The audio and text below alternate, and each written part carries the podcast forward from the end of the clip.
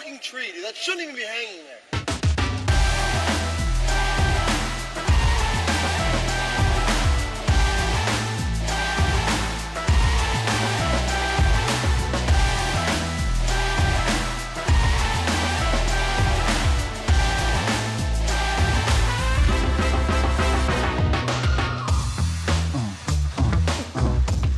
Yeah, yeah, yeah. Yeah, yeah, yeah, yeah, yeah, yeah.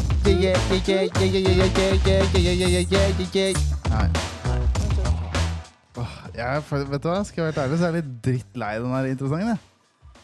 Allerede? Ja, jeg føler at eh, Mener du det? Ja, sånn helt seriøst. Jeg føler at eh, nå er det så mye sånn produksjon som mm. skjer i podden her nå, mm.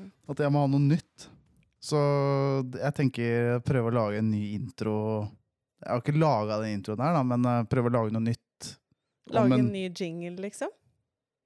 Ja, eller finne en annen. Altså, vi heter jo Slice Slice Baby. Ja. Ja, hvor tror du folk har tatt den her at det er faktisk Slice Slice Baby?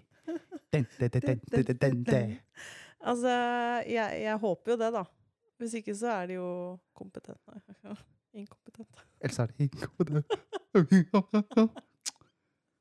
Altså, vi må ta vare på de få lytterne som er der. Kan ikke begynne å snakke dritt om de nå.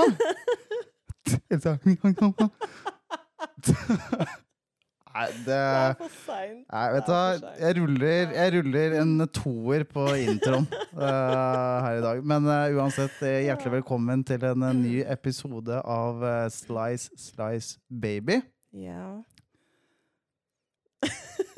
Nje. Vær litt mer påskrudd, da. Ok, vi prøver en gang til. Hjertelig velkommen til uh, ny episode av uh, Slice Slice Baby. jeg blir jo det. Jeg blir helt sånn serping. Slice Slice Baby. Æsj, altså. ah, fy flate, vi er ikke rutta i det radiofaget. Men det er jo ikke radio. Det er jo podkast. Ja, men man, det er jo radio. Vi spiller jo inn live. Ja, vi gjør jo det, men uh... Bare vent et par episoder nå, så kommer det reklamepauser og Ja. Denne reklamen, nei, denne sendingen er sponset av Møkon! Nei, nå må vi slutte. Vi er ikke humorpod. Nei, det er vi ikke. Mi, mi, mi. Men uh, ja. uh, episode Hva blir det? Fire. Fire, ja. Mhm. Og denne episoden her er veldig spesiell, fordi at uh, vi er jo i Norge, sesongen er over, men Mm. vi har jo fått muligheten til å spille golf. Ja, det har vi. Vi har jo vært så heldige og tilbrakt hele ti dager i uh, Jordan. I Yes. Jordan. Og fått virkelig utforska plassen og golfbanen som er der. Ja, og til de da som eh, kanskje ikke veit hvor Jordan er hen, hvor ligger det på kartet? Uh, så smiler du. Åh, nei, altså. Jordan eh, Altså, det ligger jo midt i, altså, i Midtøsten. Grenser til eh, annet eh, Israel eh, og Palestina, Syria eh, Ja, Saudi. Det er i Midtøsten. Det er midt i Midtøsten. Det er ved Rødehavet. Så, og så ser man rett over til Egypt også, så det er ganske sånn tett i tett. Ja. Og Jordan er jo ikke kjent for å være et sånt golfsted. Eh, det er jo ikke det. Det er jo faktisk bare to golfbaner i hele Jordan. Mm. Eh, den ene har jo bare Det er som en vet ikke, det er som en bakgård, da. Så Ja. den, Den telles egentlig ikke den helt. telles egentlig ikke. Nei. Så det er egentlig bare én, én bane, og den er jo rata kjempebra. Altså, den er jo prima.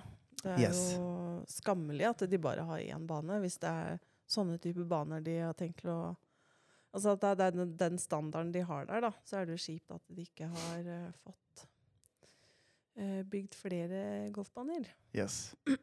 Så, men vi har jo vært i Jordan, og det er jo et nytt land og hele pakka. Også i redaksjonen i Slice Slice Baby, eh, som består av deg, meg og Bella, altså caddien vår, hunden. Prompehunden. Ja. Eh, så ga jeg deg en arbeidsoppgave. Det gjorde du. Eh, og det tenkte jeg skulle gå helt fint. Eh, det var jo å lage da den her reportasjen, reportage, av, eh, altså om Akaba, da, eller Jordan. Og eh, det er første gang jeg har eh, lagd noe som helst eh, sånn eh, Hva skal jeg si Sånn content-opplegg alene, uten å lene meg på deg. Så vi får se straks hvordan det var. Så vi skal jo høre på det. Og så har vi jo den største delen av episoden i dag, som er live fra at vi spiller med klubbsjefen på Ayla. Mm. Eh, han var jo så kul og inviterte oss eh, eh, på, Ayla. Mm. Eh, og han blei med oss da å spille de ni første hullene eh, Mm. på denne flotte mesterskapsbanen. Og der prater vi om eh, liksom alt fra uh, hvor stressende det er å slå ut fra, fra første ti, eh, som var jo et helvete når vi først uh, fikk han med. Mm. Til litt sånn mørke sider rundt eh, golfen. Eh, det, kan det være noen sånne eh, kommersielle teknikker som disse golfprodusentene holder på med? Mm. Og Damegolf. damegolf, turnering, hva det koster. Altså, det, er masse, det er en skikkelig, kul, skikkelig kult intervju. Mm. Så for å, opp, eller for å varme opp da, eh, til den til hovedinnslaget i dag, Mm. så må vi jo bli litt bedre kjent med Jordan og Akaba, og da må vi spille av eh, da denne reportasjen som du har laga. Ja. eh, din verdens første reportasje. Min aller verdens første Ja. reportasje. Har du lyst til å si noe mer før vi starter den? Uh, nei, jeg tenker vi bare kjører på, jeg.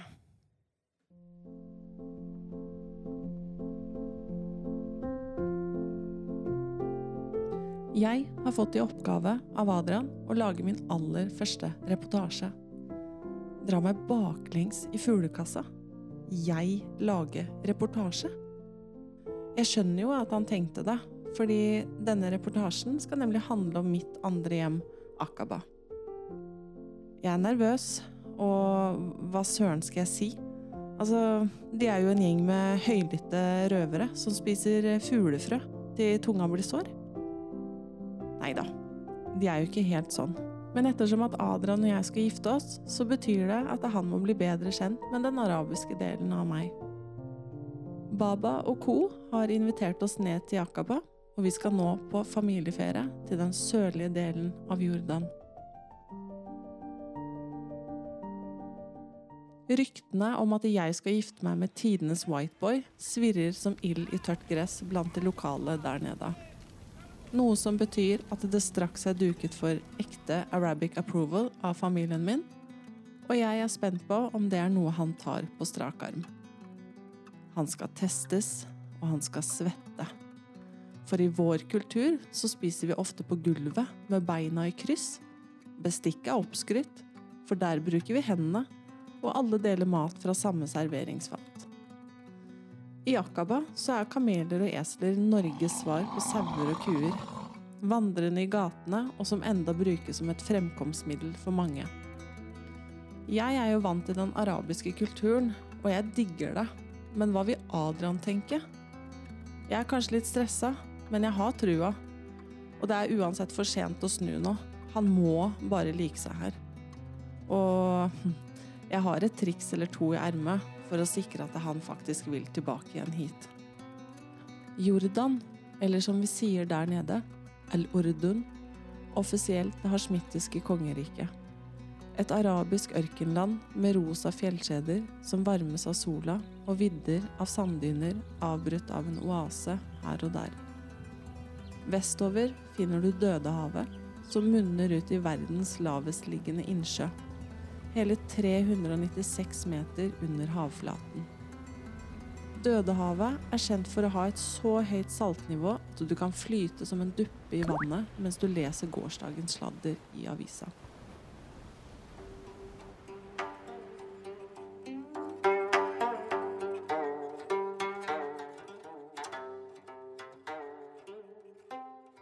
Jordan er et ekstraordinært land som har mye å by på. Fra historiske skatter til naturlige underverk er dette landet virkelig en sjarmerende perle i Midtøsten. Det jordanske kongedømmet er kjent for sin rike historie og arv, og Petra er noen av de eldste sivilisasjonene i verden. Og som i dag er en av jordas ikoniske attraksjoner, og en av verdens syv nye underverker. Men det er også en attraksjon for Hollywood, hvor bl.a. Indiana Jones og Transformers har blitt spilt inn. Kystbyen Akaba derimot er definitivt min favorittplass. Dette er en by som ligger med full utsikt til Rødehavet. Akaba har kanskje ikke den toppmoderne infrastrukturen som Dubai byr på, men det er akkurat det som gjør byen så autentisk og sjarmerende. Du vandrer gjennom basarer, kurver fylt med nøtter, krydderbutikker og hyller fylt med vannpiper. For ikke å nevne maten. Man får kebab grilla på kull, slengt rett i hånda for bare 30 kroner. Og jeg er spent på om magen til Adrian tåler dette.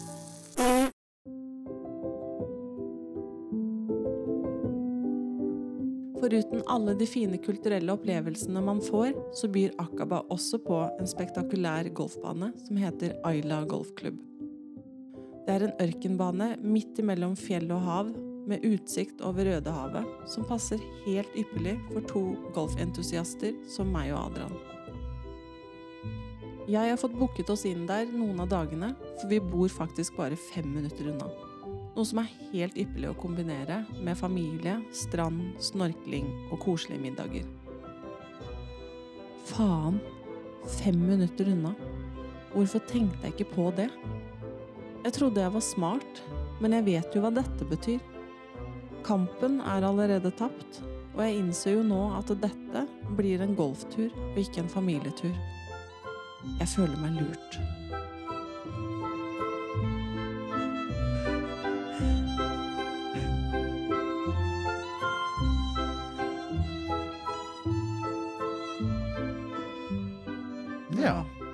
Altså Den fisen.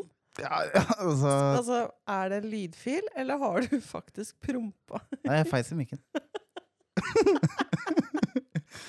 jeg tok jo på kommando. det er sånn man lager lyder. Det var derfor du lukka døra. Bakan. Skal du drive og oute ut meg eh, på den måten der? Uh, ja. Men uh, hva syns du først og fremst, da, hva syns du om uh, reportasjen din? Nei, jeg syns at uh, til å være min aller første, så er jeg faktisk fornøyd. Ja. Det, så jeg, eh, jeg gir meg selv en uh, Du hadde litt sånn flink skolepikestemme der du leste opp. veldig Ja. Ja. Og det er jo ikke helt meg, da. Eller Nei, jeg, jeg bare sier det var, Eller det er en observasjon, da. Observasjon. Ja. Ja, jeg hadde, hadde det. Eh, så, så Men eh, jeg er veldig fornøyd, faktisk. Og jeg var supernervøs. Og ja, du ble jo bare oppgitt når du så den lydfilen. Fordi jeg feila jo gang på gang. Jeg, jeg knekker jo av latter. Jeg Ja, men er det, var bra. Det var bra. Så eh, Hollywood. ja. Og så har vi, dette snakka vi om før vi starta podden. Ikke interne jokes i poden. For det, ingen, ingen skjønner det. Uh, men uh, til, til altså Jordan, da. Vi Ja. Reiste jo ned til Jordan. Jeg, uh, jeg visste jo ikke hva jeg, jeg kunne forvente. Nei, men altså, hadde du ingen forventninger? Altså Nei. sånn ingen formening om Nei, altså, jeg hadde jo Altså, jeg, så jo for meg at det her kom til å være tørt, og sånn typiske Uh, Litt sånn enkle bygninger. mm, Uh, så så det Der møttes jo forventningene mine, da. mm, Uh, eh, men annet enn det så visste jeg ikke Jeg hadde ikke noen sånne store forventninger. Nei. Eh, men jeg ble veldig overraska over hvor, eh, hvor flott eh, liksom folkeslaget er da, mm. i den byen. For det er jo ikke en sånn turistby fra vest... Det er ikke, det er ikke en vestlig turistby. Nei. Nei. Og, og den største turismen som foregår i Akaba, foregår bak lukkede Mm. liksom, gates. da. Ja, ja. Uh, så jeg fikk jo en sånn autentisk opplevelse nedi liksom, bysentrum der. og, og sånt. da. Så jeg, jeg syns det var skikkelig bra. Og så var det jo veldig fint vær, som eh, var til en stor, hyggelig forandring. Mm. Uh, og så er det jo veldig sånn der family culture der, da. Mm. Uh, ikke sant? Uh, Ja, veldig. Og, men jeg er faktisk imponert over Én, du håndterte den varmen veldig bra. Jeg trodde du skulle backe ut, jeg. Nei da. Det, Jeg var så sikker på det. ja, men dette prata vi om. Ikke? Det, det er ikke så luftfuktig der. Så det er jo tørt. Ja. Uh, så det jo, når det er 25 grader her i Norge, ikke sant, så begynner du å svette med en gang. Mm. Men, uh, men der gikk det, gikk det veldig fint. Ja. Uh, og så Nei, så Jordan uh, tipp topp. Men, men altså, vi, vi spilte jo mye golf. Ja, det, gjorde vi. Det, det gjorde vi. Så vi fikk jo en, eh, vi fikk jo en golfrunde der. Det var ikke, det var ikke alle dagene hvor vi fikk eh, 18 hull, men, eh, men vi spilte blant annet eh, nattgolf. Ja, det gjorde vi. Det var gøy. Så hva, hva syns du om det? Altså flomlys og det, Altså, det er jo ikke noe Det er noe de alle, alle Så der var vi liksom privilegert, da. Mm. Eh, fordi at eh, det er veldig, veldig få som får muligheten til å spille nattgolf. Mm. Altså, det var jo øh, den øh, Det var jo nihullsbane, og det var jo kun par tre. Så det syns jeg var faktisk veldig gøy. Og så veldig stilig, da, å spille da på kvelden. Jeg trodde at det skulle være helt umulig å se den ballen, men jeg syns nesten det var lettere å se ballen på kvelden versus på dagen når vi spilte. Mm. Så, nei, men jeg syns det var skikkelig kult. Skulle ønske at det var At det var en 18-hullsbane. Da må du til Eh. Dubai eller Tyrkia, Ja. som er det nærmeste, da. ja. Du kan tenke deg, Det koster jo jævla mye penger vet du, skal du ha disse her stadiumlyktene. Ja. Lyse opp eh, liksom, eh, mange kilometer. Ja, det er sant. Men det hadde vært sjukt kult. Men jeg Men det kan jo også Vi kan jo også bare si det veldig fort, at eh, når vi gikk eh, den runden der Så mange dårlige slag jeg hadde. Det var et par Hæ? dårlige slag, ja. Men, men eh, det Hva gjør jo ikke noe. Hva skjedde der? Ja, Du glemte alt det som da, eh, Davido eh, har fortalt deg. Han som mener at jeg har små hender. Han skal få høre det neste gang. Han skal få høre det. Ja, vi skal til han eh, neste uke. Så. Stemmer. Stemmer. Så eh, Jordan var kjempebra. Ja. Uh, Men, men hva syns du egentlig? For har, har du spilt på golfbane tidligere? Hvor det har vært uh, nattgolf? Altså har du spilt nattgolf før? Nei, det var, det var første gang. Første gang. Det var første gang. Det, det jeg kanskje syns var mest spesielt, da, som jeg tror kanskje mange vil kjenne seg igjen i hvis du har spilt i utlandet, Mm. er jo det der at eh, Og det var jo kanskje ekstra spesielt nå som vi var i Akaba i Jordan, da, altså en ørkenbane, er jo at eh, gresset er jo så hardt. Mm. Eh, så vi, vi lagde jo ingen divots eh, gjennom hele turen. Det var bare Nei. kanskje et par ganger. Da slår du jo virkelig feil også, da. Ja. For det, det gresset, det, det er jo så hardt. Ja. Så det bouncer jo nesten som at du slår fra matta. ja, ja. Men, men det føles faktisk som at det eh, kølla spretter opp Ja. når du treffer eh, gresset. Mm. Og steinhardt. Så, men Mm. banen helt, eh, helt perfekt og hele pakka, så jeg tenker jo vi kan jo egentlig bare hoppe inn til hovedinnslaget. Nå har jo folk Mm. fått vite litt hvordan, eh, altså, hvor Jordan er, Akaba. Du lagde jo den fantastiske reportasjen. Yeah. Eh, så nå, nå skal vi få høre eh, fra da vi faktisk var og spilte der. Mm. Eh, og var da sammen med Jason Vermulen, Mhm. eh, som var klubbsjef da på, på Ayla. Mm. Skal vi bare sette i gang? Yes.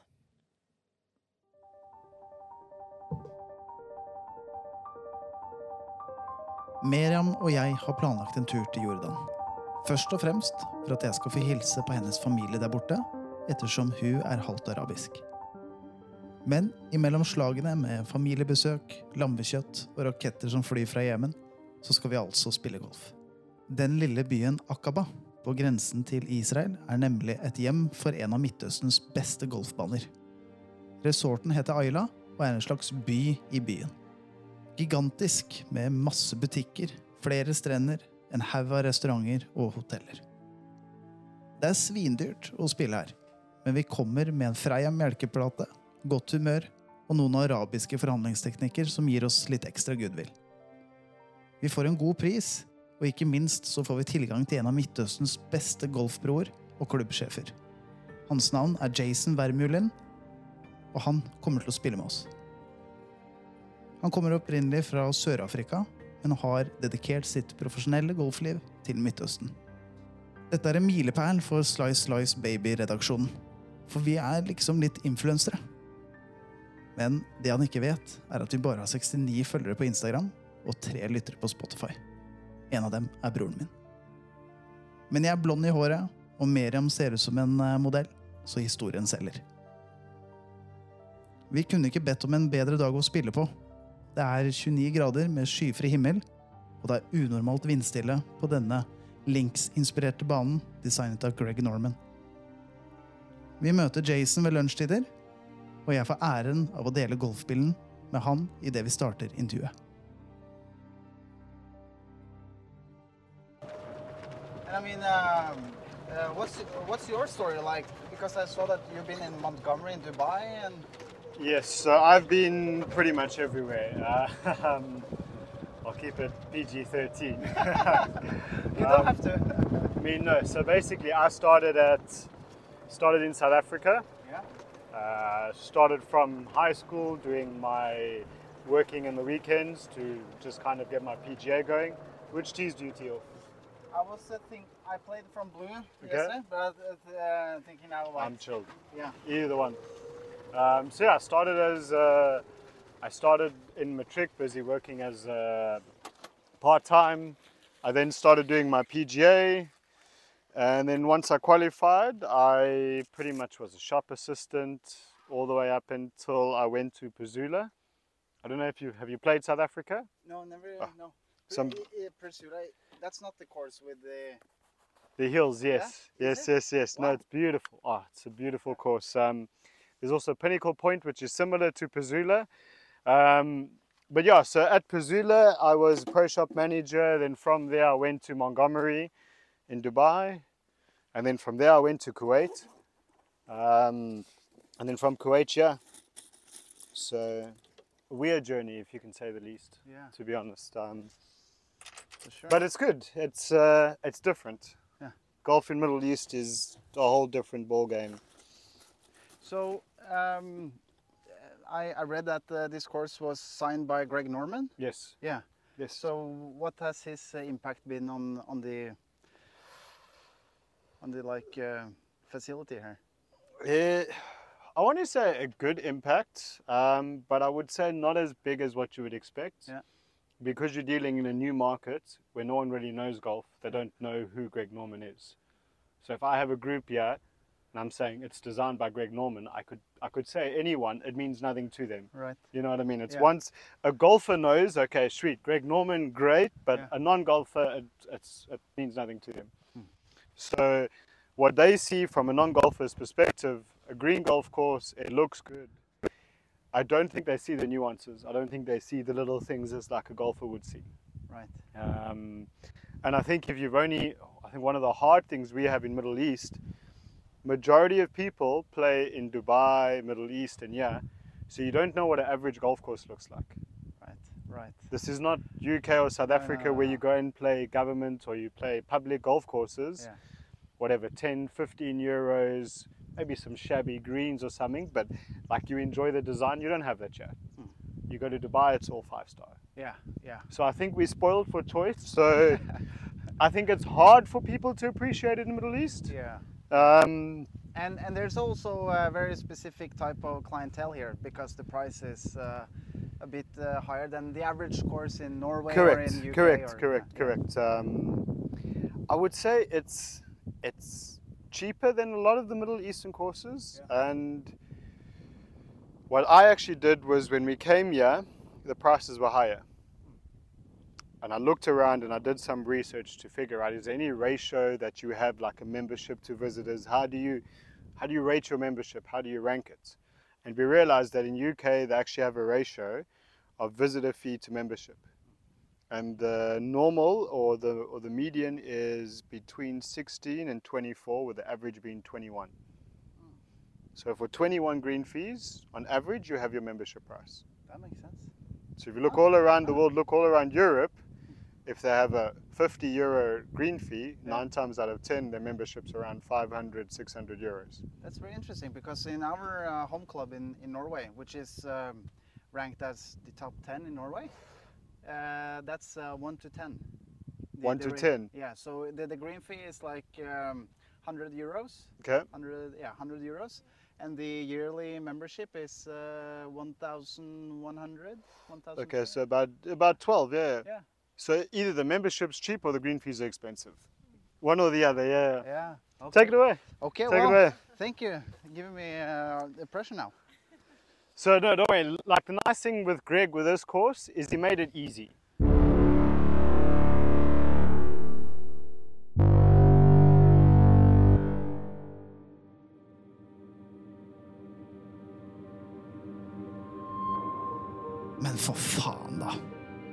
Én ting er å være først ute.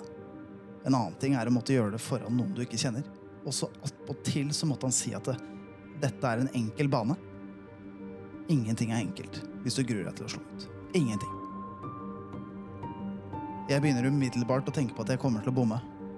Og at han da ser bort ifra den nydelige melkeplata fra Freia vi ga i stad.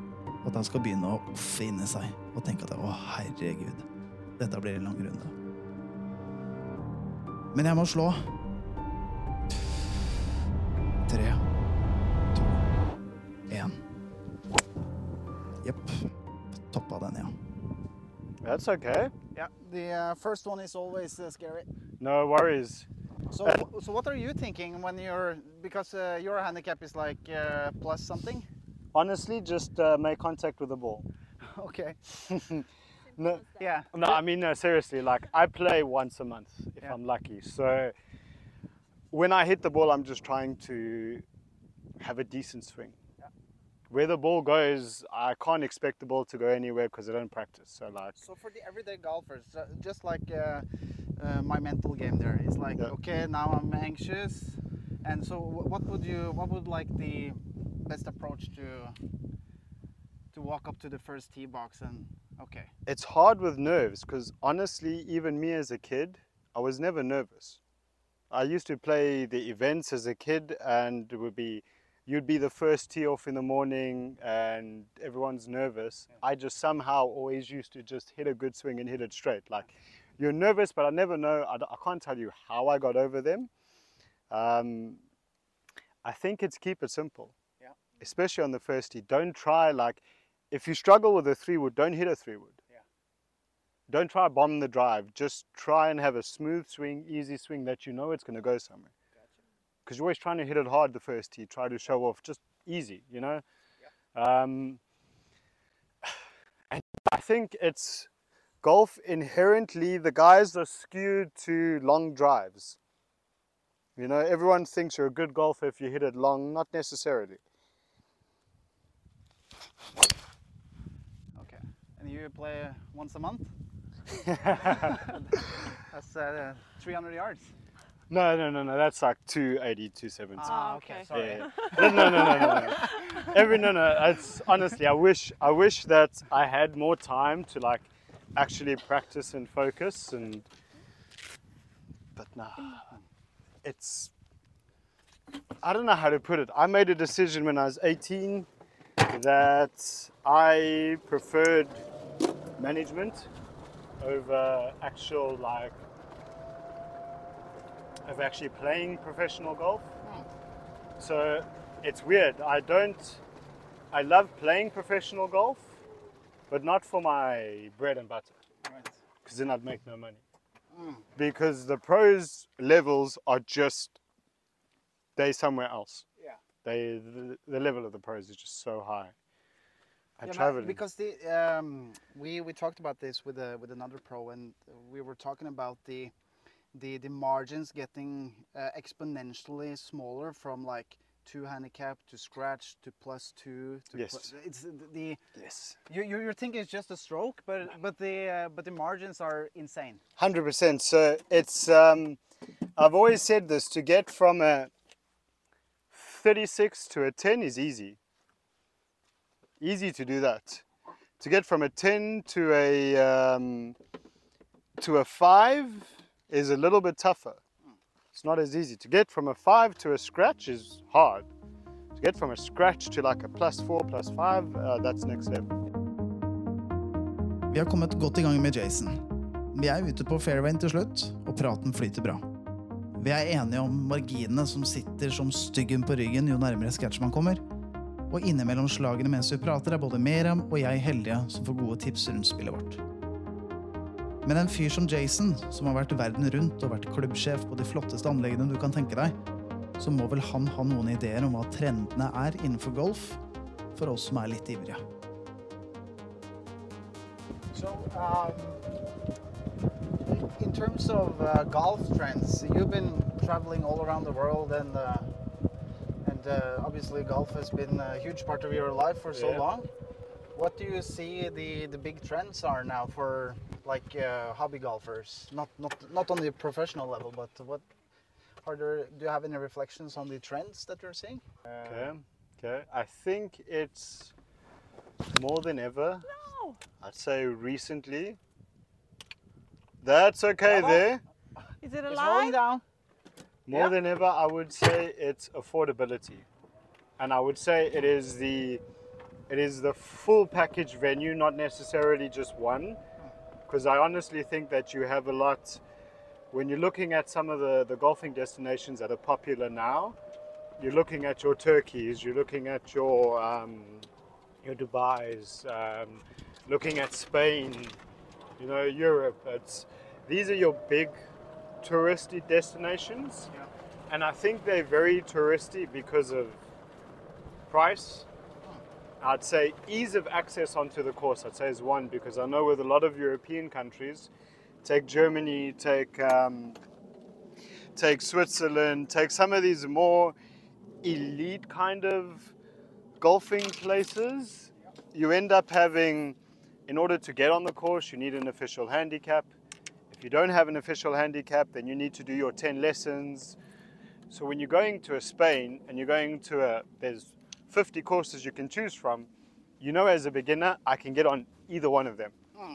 You know, listen, it's easy. I just go there, uh, I can play. Um, that's, I think, one of them. Um, I think I'd say general facilities because even more than ever, I would say that the, the family good chip, the the family mechanism as a whole in the world is generally struggling. Um, so I think there's more of a focus nowadays on family. Look at US. US have done it 10, 15 years ago, made golf clubs family friendly. Right. So having the whole family do an activity while you play golf. Yeah.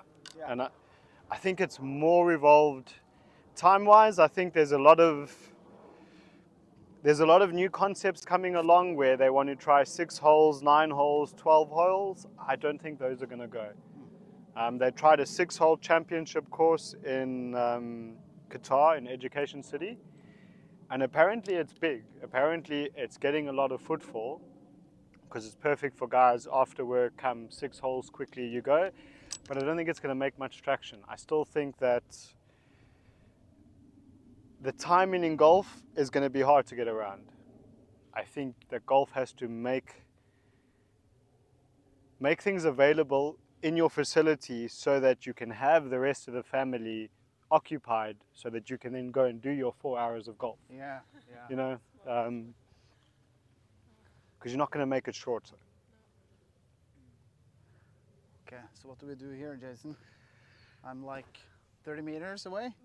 Just simple chip run it up don't try get clever with it um,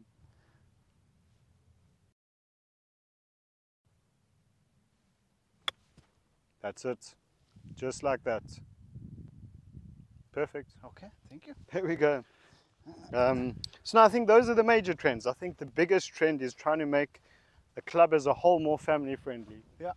Because if you can bring your wife and kids there, great. The the chances of you getting to the golf course is going to be much higher. Um, I think ag- again I also think it depends on certain markets.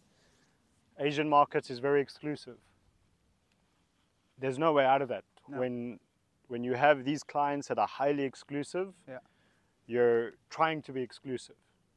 You don't want many people there. You don't want visitors there. You want your clientele to be as closed off as possible. Yeah. Emerging markets, you want it to be for everyone. it just depends on what um, where your stance is as a, as a club. I would say. Oh no, that is short. Get up, get up. No. Um,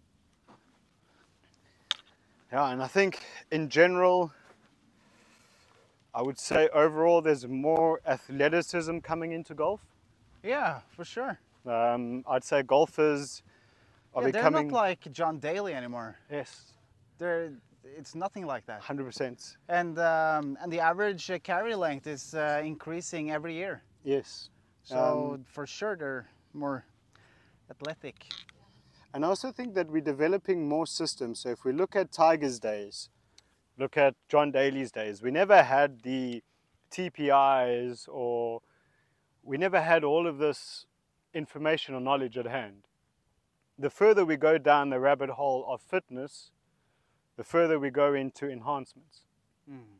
And I think that's also where essentially there's a lot of talk with the rules in terms of rolling balls back and rolling all of that back. I don't agree with that for pros. Didn't turn? Okay.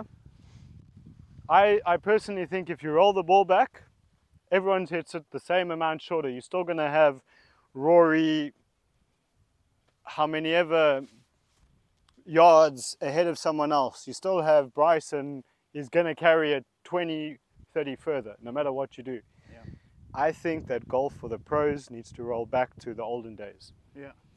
Where, personally, the fact that pros are using AP2s, I think is absolute bull. Yeah.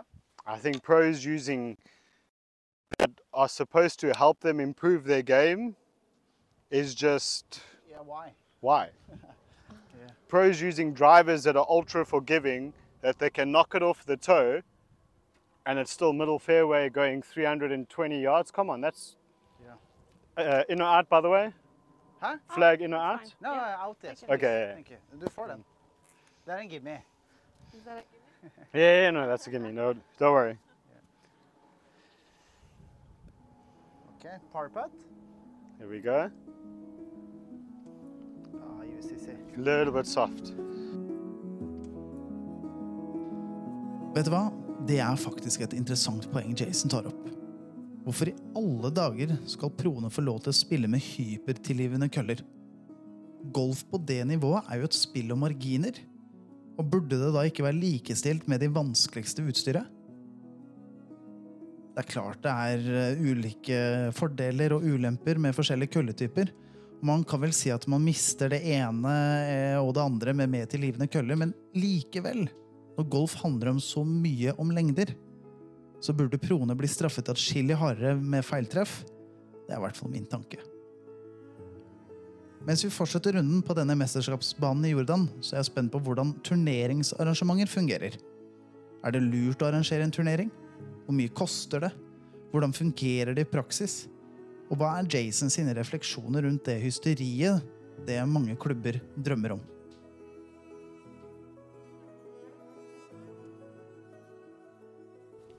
So has there been any uh, tournaments here? We've had, um, so in the past, we have hosted Mina Tour for around two years consecutively. We did a event called the Jordan Mixed Open, which was a first of a kind for European Tour. So we basically had European Ladies Tour, European Challenge Tour, and European Stage Show Tour all kind of coming to one event and play each other. Okay, nice. So that was a really good concept that we had, Joe. Yeah. That was around 2019 we had that. Um, since then, we haven't really had much pro events. At the moment now, our focus as a club is more on kind of investment into the club Yeah. versus investments outside. Yeah, yeah. Because when you're looking at trying to host a, a tour event or something like this, you're looking at a minimum on a small tour, $200,000 for a series of three or four events. Okay. So big money. So you're looking at big money. I mean, Yeah. it's it's not small time when you're looking at just one event. Um, from I'm gonna say, not gonna use exact tours to give away figures, but European tour, it's around between two and five mil that you need to give. Mm. You're going down challenge tour, it gets a lot less, but it's substantial money. Mm. To get challenge tour, you're looking at least 150 to 300k for the event. So, from a golfing perspective, um, we're a very small club. So for us to invest, let's say 300k into a into an event, uh, a challenge to event, which is close to 300k, is pretty much a big chunk of our actual revenue that we make, Yeah. and it doesn't justify it. I can, um, yeah, I can understand that. I think once you've, for any clubs, I think once you establish yourself as a club and you and you're in a comfortable position where you don't need too much internal investment, and you want to put your course on the map, then I think tours make headlines. Yeah. Um, the other side of the tour is you honestly have around 20 in total courses that are your bucket lists. But often, how often do you watch a, an event and look at this course and be like, I have to play this course? It's Masters, it's um, uh, what's the uh, AT&T? Yeah, tack. Veldig bra. Is it okay if I just take a picture of you guys? Yes, yes, yes. we- No worries. Yeah. um, you got AT&T. You have Masters, Bethpage, stuff like that is your your kind of goals as a golf course. But Yeah. when you're going to see them play Trump International in Louisiana, am I booking my trip tomorrow? No. No, no. So I think it's good exposure, Yeah. But it doesn't really bring you the return on investment. Oh, well. So that's where tours, I think it all depends on a club. Or, or what's your financial position at? What is your market position and what do you want to be?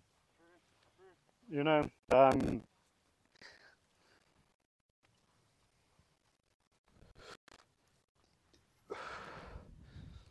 and also the other side of the coin is when you have a MENA tour or you have a, a tour event here, you're taking pretty much half of your maintenance budget for the year just two months prior to prep the course, Yeah. which is huge. Yeah, and people can't play it before either. Like two weeks maybe?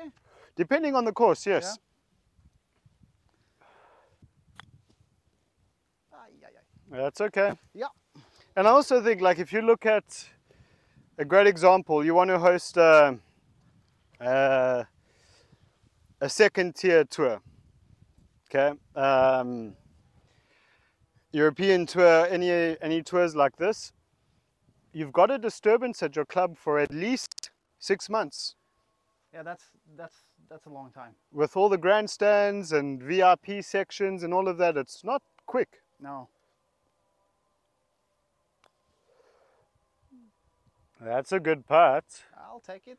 Yeah. There we sure I'll go. Very good.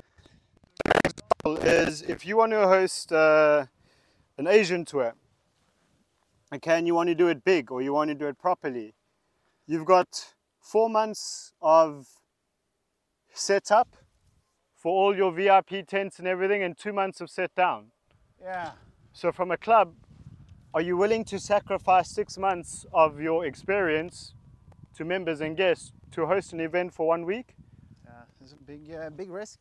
Exactly. So again, it just depends on where you are as a club. Oh, the, it's a nice putt. There we go. Okay. Not like this. I have to focus. Well, these ones straight and firm.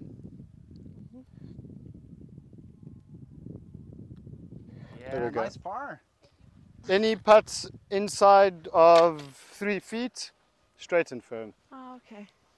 Because the one the one percent of putt that actually turns, Yeah. you'll miss it. Okay, but rather miss one out of ten than miss five out of ten by Oh. trying to find breaks just straight and firm. Yeah. That makes sense. That makes sense. So what's um?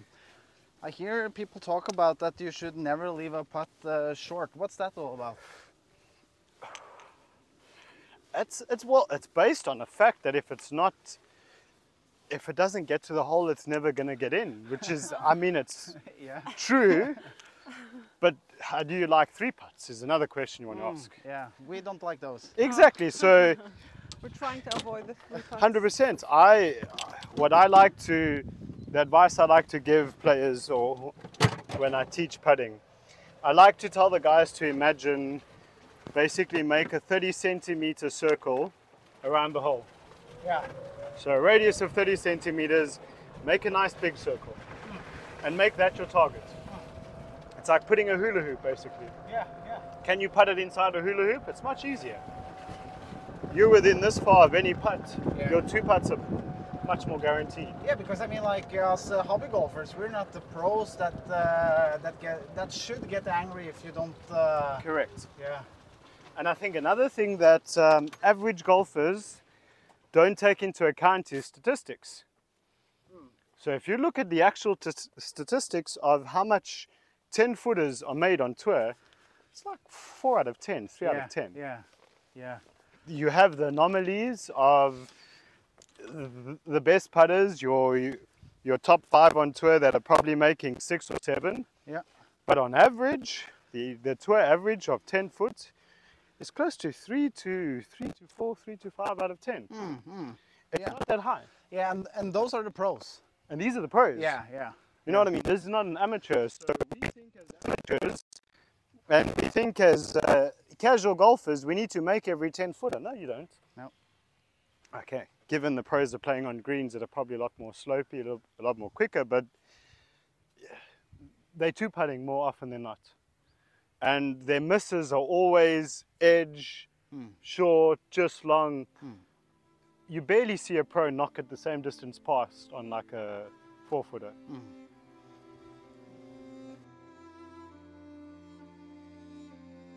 Det finnes jo ikke noe verre enn å treputte.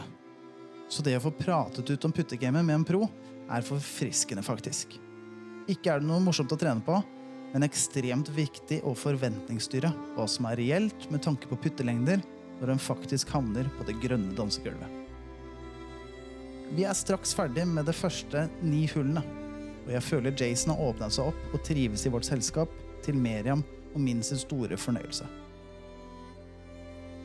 Meriam ser sin sjanse for å få Jason til å bli litt mer personlig og dele hans tanker rundt hva han ikke liker ved golfen.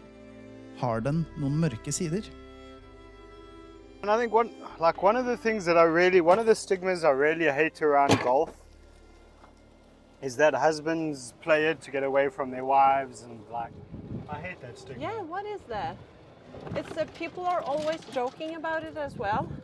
Uh, for instance, for us, the other guys are like, "Oh my God, is your uh, wife going with you?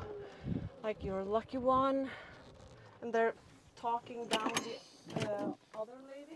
Yes, so it's a horrible stigma in golf, and it's, it's something that needs to change. And this stigma comes from people inherently that are not.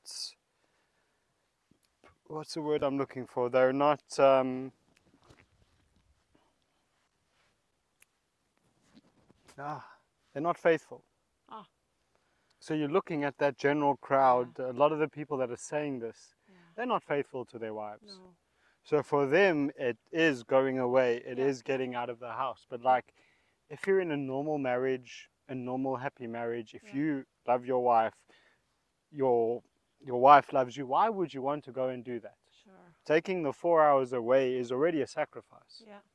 You know, so I, it's a stigma that I hate. That's a good thought. And again, there's a another stigma that runs along that is golf trips. Yeah. It's a very bad stigma in golf that needs to change. Yeah. Golf trips need to be made more, how can I say, family friendly. Yeah, sure. And especially if you have kids, Yes.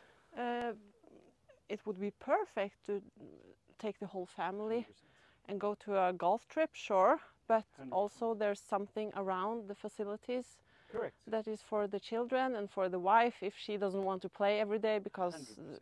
we have to take care of the children and do something else and he can go out play and you know that he will come back Yes. And I'm- imagine how many more trips you would have exactly as a guy Yeah. if your family went with. I think that's like if you have that type of mentality, it's more like a win-win. Yes, correct. And why Agreed. wouldn't we want to grow that? exactly, exactly. And yeah, not split up the family. Like I'm going on a trip now alone. Yes, yes, yes. It, Agreed, agreed. it just doesn't fit the family picture, so I 100%. totally get it. Hundred percent. nice one. Yeah, it's a stigma I hate. It's Yeah. honestly, but again, it's you have a crowd of people that make that stigma. Yeah. Um,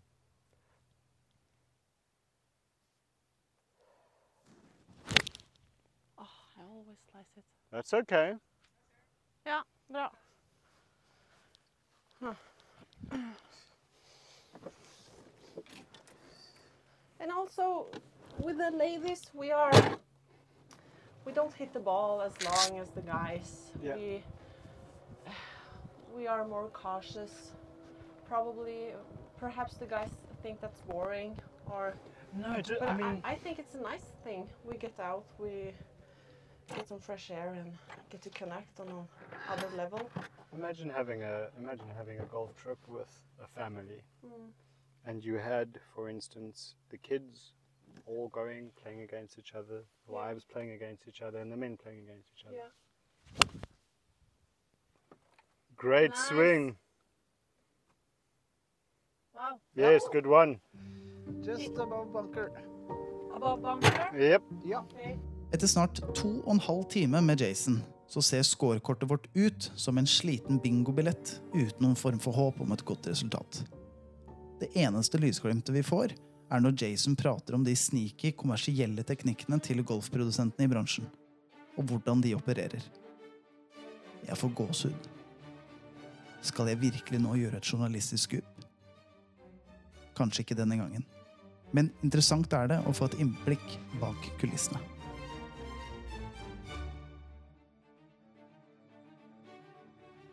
I think what the golf industry needs needs more podcasts, Yeah. but we need more But it to be simple. and we Like need more rogueness. Yeah. We need more we need more golfers to question golf. Yeah. If that makes sense. We need more golfers to question why does a manufacturer do X or Y? You know what I mean? Why? I'll give you a great example. Um, shafts. One of the biggest, how I say hoaxes, but like one of the biggest deceptions you find in golf is when a brand, and again, I'm not going to use a brand, I don't want to affect a relationship forever, but when a brand releases a new driver, what happens is this brand will go to this shaft manufacturer. So let's let's say the shaft is Fujikura, hmm. okay, or whatever Project X. They like, okay, you're releasing this new Project X shaft. I want this shaft at fifty dollars a shaft. But now Project X stands there like, guys, this shaft costs three, four hundred dollars. You want it at fifty dollars. So what ends up happening is they end up making a an average shaft that just gets labeled like that. Mm. So look at all of them. Look at the a great example is your ten tensai shafts. Yeah. You can find a ten tensai for fifty dollars, but you can also find a ten tensai for four hundred dollars. So whenever, and that's the thing. So the ten tensai for fifty dollars is nothing in terms of a bend profile, in terms of the shaft. It's nothing compared to the original. Um, it's completely different shaft. Yeah. The original may be a low launch, low spin. This version is in between. And if you're taking, you take a bunch of, uh, let's say, X sets off the off the shelf, that all have the same shaft. None of them are frequently matched the same. Mm. They all have slightly different bend profiles. It's not a really consistent uh, bend. So when you have a standard shaft coming out of this, with an exception, so this one, you don't know if this is an actual tensai. No. This just has a brand. It could be anything. So when you're looking at what this bend profile is, it's nothing compared to that one. Now, does the average golfer, does it make a difference? Not really. Oh, but uh, when they will hear about it, it will be it Yeah. It's been going on forever. So ever Is, so. and uh, is it just to squeeze more money or more margins? Uh, No, it's just for club manufacturers to show that they have the latest shaft. When remember back in the day with I don't know how long you've been playing golf, but remember when TaylorMade re- uh, launched the TP shafts Yeah. in all of their clubs, and their TP shaft had the brand name at the bottom, so it was the TP, and then it might have been Adila. So that was an actual Adila shaft, just branded with TP. Ping, all of Ping's shafts are designed for Ping. Hmm. So what Ping do is Ping will go to, let's say, Fujikura, and they design a shaft specifically for that driver. So when you're buying a Ping shaft, it's designed for that head. right. That's why a lot of Pings are so consistent, so forgiving, so sometimes long insert, because they're designed for that club. Hmm. So whenever you do yourself, if you ever do a do a fitting, Yeah. always go the that upmarket shaft. They come at a fee of like maybe a hundred, two hundred dollars. Yeah. But the shaft you're getting is ridiculous Yeah. and it's consistent. Yeah. I appreciate that. Tip. So you know it's a good shaft. Yeah. Um, it's topics like this that I wish are more discussed in golf. yeah. Well, we'll uh, we'll follow it.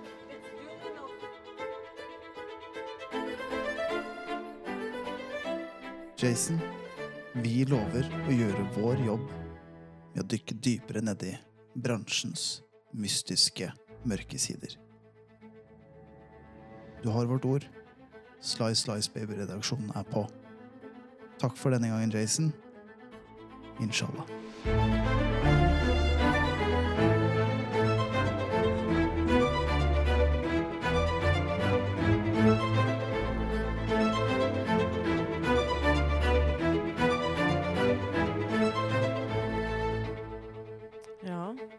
For en eh, runde. Ja, Jeg syns det var skikkelig hyggelig. det var eh, Altså Det å bli så beæret, da, med Mm. at du får lov til å spille med Altså ja, en av Midtøstens beste klubbsjefer. Ja, ja, Altså, han har vært på Montgomery Dubai. Det er liksom Der er det Det er det største av det største. Å ja. Jeg vet Eh, ikke Nei, så, så han, han har peiling, og så er han pro i tillegg, og så uh, Og så er han så flott og nydelig mann, da. Ja, veldig jordnær. Han, eh, han har knekt koden, tror jeg. Men uh, hva, var, hva var scoren din? Første ny. fordi jeg slutta å registrere, fordi jeg bare datt helt ut av det. Nei, jeg, jeg, jeg regga jo over. jeg regga jo for deg, da. Men uh, Nei, altså, den runden blei faktisk ikke så dårlig. For at uh, når vi var ferdig med de første ni med han, og vi spilte, de, altså, spilte back nine, så gikk det jo ganske greit. Ja, stemmer det. Vi hadde Så- OK back nine, faktisk. Ja. Men det, det jeg tar med meg da fra, eh, fra med, med Jason, er eh, et par sånne interessante ting rundt det der turneringskjøret, da. Mm. Ikke sant? At det er mange klubber har lyst til eh, Sånn som han Markus, eh, Mm. som vi prata med i en av de tidligere episodene. Episode én, var det vel. Mm. Han også sa at ja eh, Var det Uppsala? Eh, ja Uppsala Jeg husker ikke hva Jo, jeg tror det, Uppsala. Ja. Uppsala. Eh, at de hadde lyst til å arrangere liksom en Challenge Store-event. da Mm. Eh, og så har du liksom eh, Losby har lyst til det. Uh, Miklagar eh, Mm. har lyst til det. Eh, og så forteller jo han om liksom businessen rundt det, da. Og det, Mm. det, det krever så utrolig Først så krever det masse penger, Mm. og så eh, blir jo ikke akkurat medlemmene så jævlig happy for det. For du må jo stenge banen I så så lang tid. ja, for at det, det, det, det kan ikke være brukt, da. Og så, ja. så, så det syns jeg var litt interessant, og at det er liksom ikke bare bare. Én ting er at banen må være bra, men så må du tilrettelegge for så mye, da. Ja. ja og, de, og de klubbene som da arrangerer disse turneringene, de er kanskje litt mer sånn fiffete, som er at eh, nå har vi kommet til det punktet hvor eh, vi kan gjøre akkurat det vi Ja, vil. ja. Og nå gjør vi det egentlig bare for å, for å flekse. Ja, fordi pengene ligger der jo på en måte uansett. Det er ikke sånn at de, de går jo ikke i noe direkte tap, eh, fordi kassa er så full, da. Mm. Mens uh, Ayla er jo fortsatt ganske tidlig. Altså det er jo en relativt ny golfbane. Og hvor mange medlemmer var det de hadde?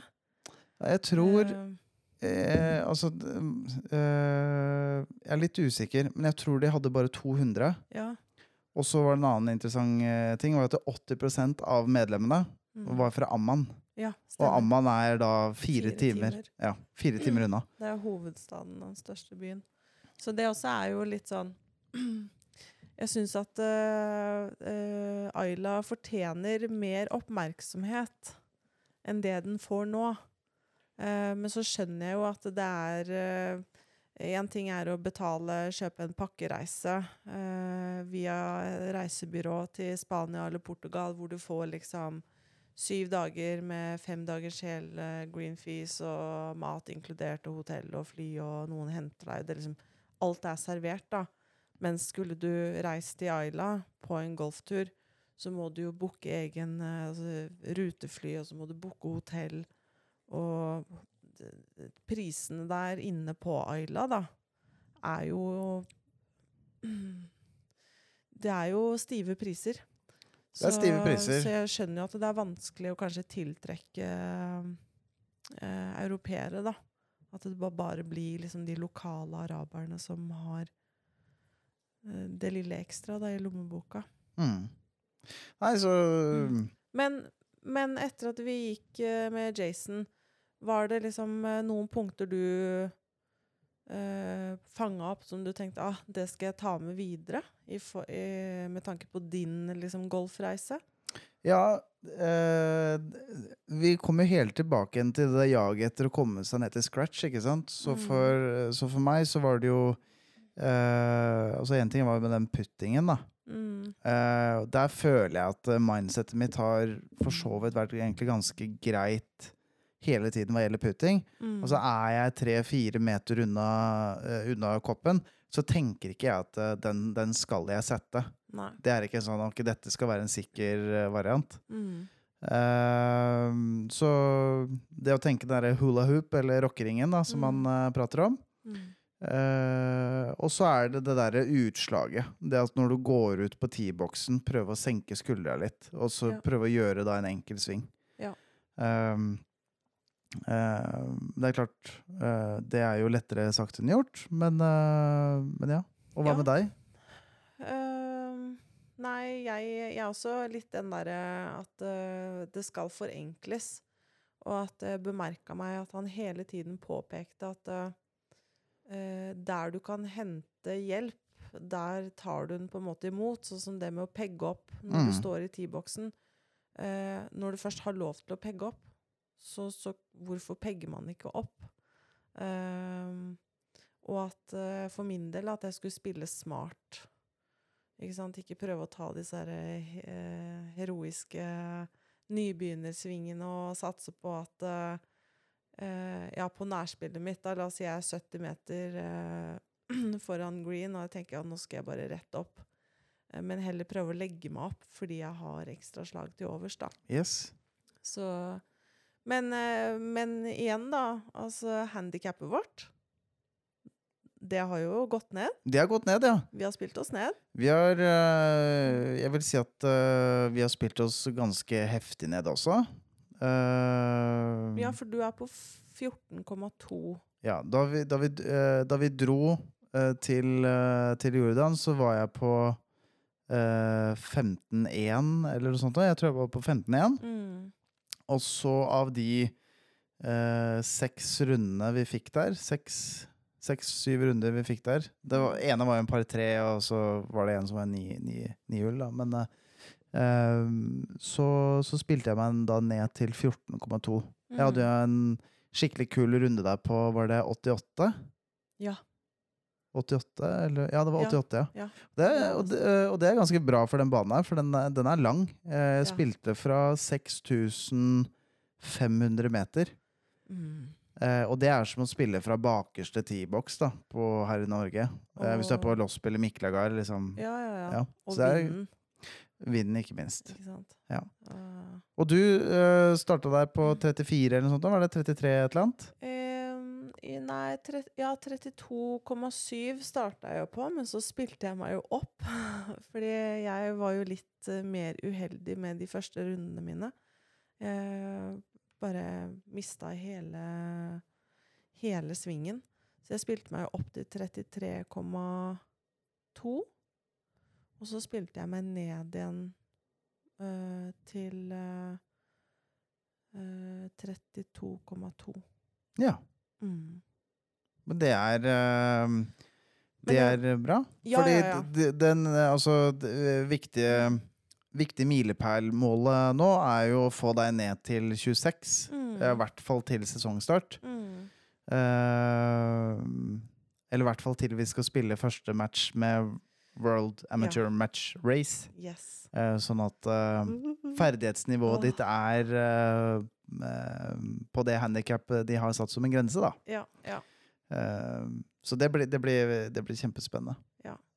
Så hva, hva skal vi oppsummere med? Jeg syns jo det der var en helt fantastisk tur. Ja. En kult format å lage liksom, innhold på. Mm, mm. Eh, deilig å være sol og varme. Yes. Få lov til å gå ute på gress. Ja. Eh, eh, og eh, jeg i hvert fall personlig vil jo anbefale eh, Ayla, mm. golfbanen, eh, Absolutt. til absolutt alle. Ja, ja, Så hvis man har lyst til å Og, og jeg veit at jeg fleipa litt med det Israel-greiene og raketter og sånt. Det er ikke kødd. Det var jo to ganger hvor vi var vitne til Eller ene gangen så var det en bombe som smalt, ja, som vi hørte. Flyalarm og hele pakka.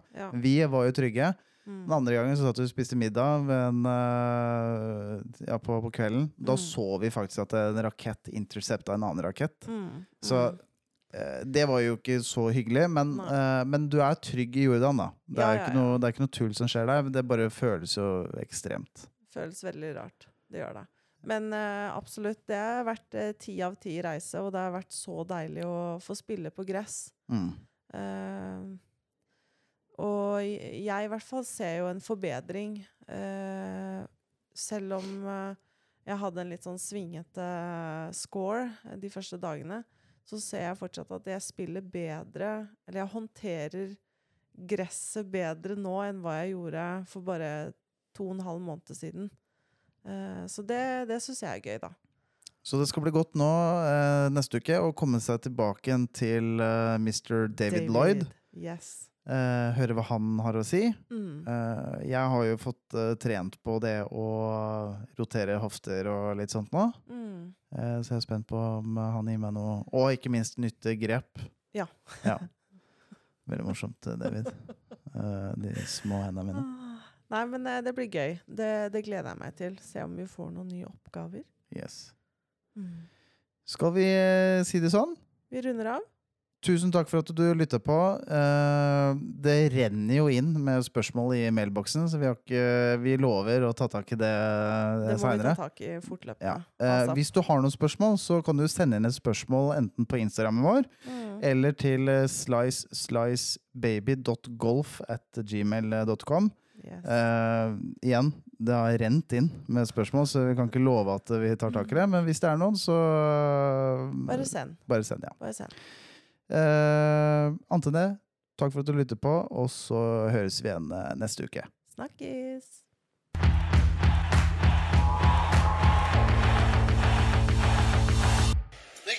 Fucking tree, dude. That shouldn't even be hanging there.